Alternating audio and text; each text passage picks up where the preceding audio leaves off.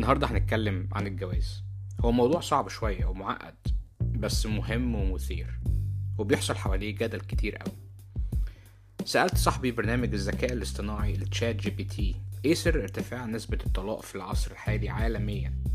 على فكرة ال ChatGPT ده برنامج ذكاء اصطناعي عنده المقدرة على إن هو يفهم لغة الإنسان العادية وبيجاوب على أي سؤال بيدور في دماغك.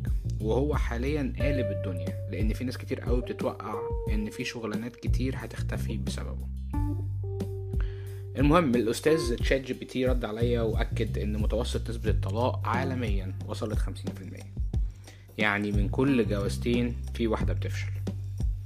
وعدد لي الأسباب اللي خلت نسبة الطلاق في ارتفاع مستمر ومنها إيمان المجتمع باستقلال المرأة وإتاحة الفرصة قدامها لتكون متساوية في الحقوق مع الراجل.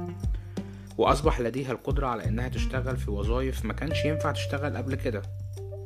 مثل الجيش والقضاء والمحاماة والسياسة وحتى رجال الأعمال واللي كان اسمهم زمان رجال الأعمال بقى في دلوقتي سيدات الأعمال كمان.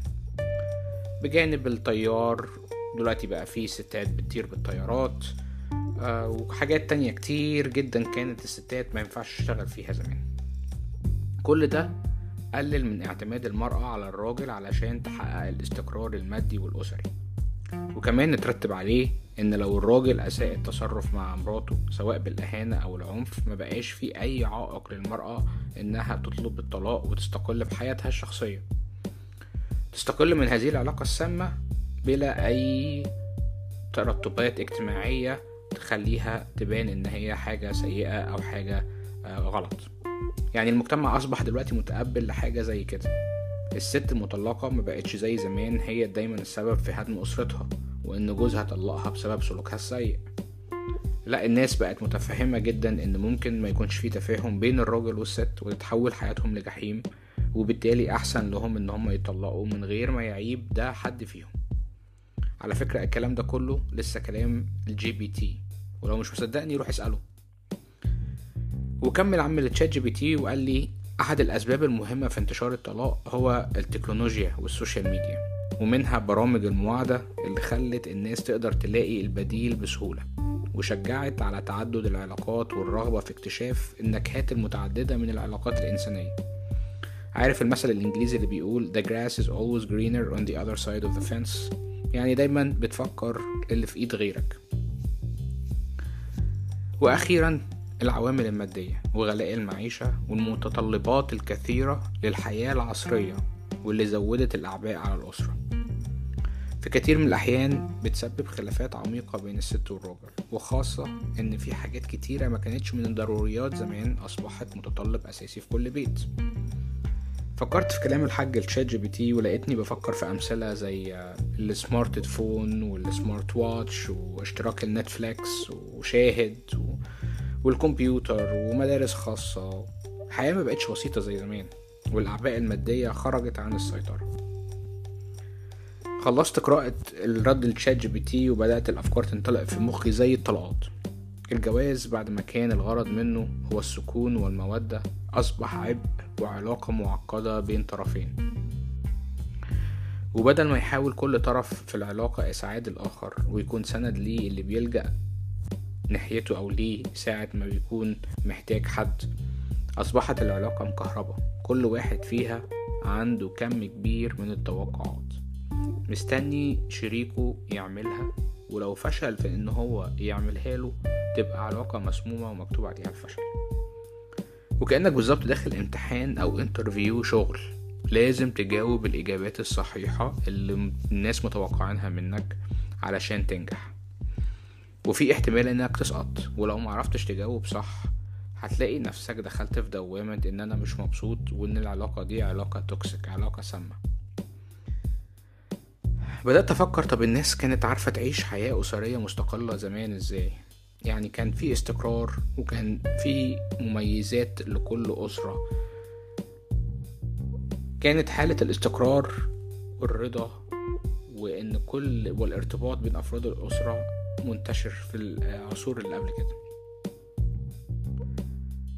فلما بدأت أقرأ في الموضوع دوت لقيت إن من قديم الأزل ولغاية ستينيات القرن العشرين قبل التطور التكنولوجي السريع وقدرة الحاسب الآلي الكمبيوتر يعني على أداء العديد من الوظائف اللي الإنسان اعتاد إن هو ياخد وقت طويل عشان يعملها.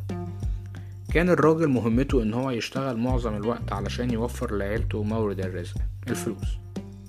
كان بيسافر في رحلات تجارية طويلة أو بيقضي معظم وقته في الحقل بيزرع ويقلع. وحتى الوظائف الإدارية زي المحاسب مثلا كان بيشتغل أو بيقعد وقت طويل جدا علشان يعمل عملية حسابية معقدة. وكان يبقى فيه مراجعين وكذا واحد بيراجع على الشغل التاني. فكان الإنسان أو الراجل بشكل عام مشغول طول الوقت مش قاعد للست وللعيال في البيت وعمال ينتقد كل حاجة قدامه. ولما كان الراجل بيرجع البيت بيكون هلكان تعبان عايز يستمتع بمراته وعياله ومش بيدور على أي نوع من أنواع المشاكل. هو عايز ياكل أكلة حلوة ويدخل في حوار خفيف ولذيذ مع العيال وأمهم وبعد كده يدخل ينام عشان الشغل بكرة. التكنولوجيا بنت الكلب بوظت كل ده. الكمبيوتر بقى بيقوم بمعظم الشغل اللي الناس كانت بتعمله زمان. الراجل والست والعيال بقوا قاعدين في البيت معظم الوقت. وبدأ كل واحد فيهم يشوف ويدقق في عيوب التاني. وكمان ال social media ادت لهم فرصة يشوفوا الناس التانية بتعمل إيه ويقارنوا نفسهم بيهم. فاختفت رضا النفس وبقى بدلها في غليان النفس. بص صاحبتي جوزها بيسفرها كل شهر في مكان جديد. بص الهدايا اللي بيجيبها لها. ومن ناحية الراجل شوفي الست بتضحك لجوزها إزاي. بصي لازقة فيه وبتدلعه إزاي. فكل واحد فينا بقى عايش في مجتمع موازي وهمي ومناقض للحقيقة ومحدش فينا راضي بحاله. طب ما تيجي معايا نتخيل كده ممكن يحصل إيه في المستقبل كمان 30 سنة؟ يعني سنة 2050 وشكل العلاقات الزوجية هيكون عامل إزاي؟ في اعتقادي الشخصي إن البشر هيكفروا بالعلاقات الاجتماعية الإنسانية بشكل عام وهيزداد اعتمادهم على الآليين على الإنسان الآلي الروبوتس.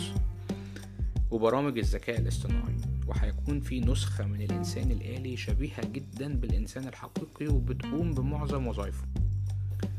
تخيل كده لو في ابلكيشن تدخل عليه وتقول له المواصفات المثالية اللي أنت عايزها في شريكة حياتك. اسرح وتمنى زي ما أنت عايز. دمها ظريف فرفوشة مش بتتقمص متسامحة صبورة صوتها مش عالي بتهتم بطلباتك بدون ما تشتكي.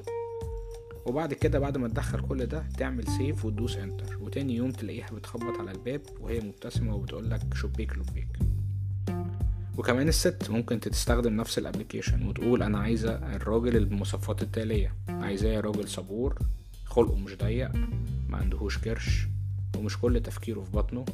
ولما اطلب منه حاجة ينفذها على طول بدون تلكيك. يدخل عليا بهدية جميلة ويقول لي إزاي أنا مالي عليه حياته. ومن غيري هو كان ضايع. ويديلي مساحة خصوصية أقدر أعمل اللي أنا عايزاه من غير ما يغلس عليا ويضيق عليا.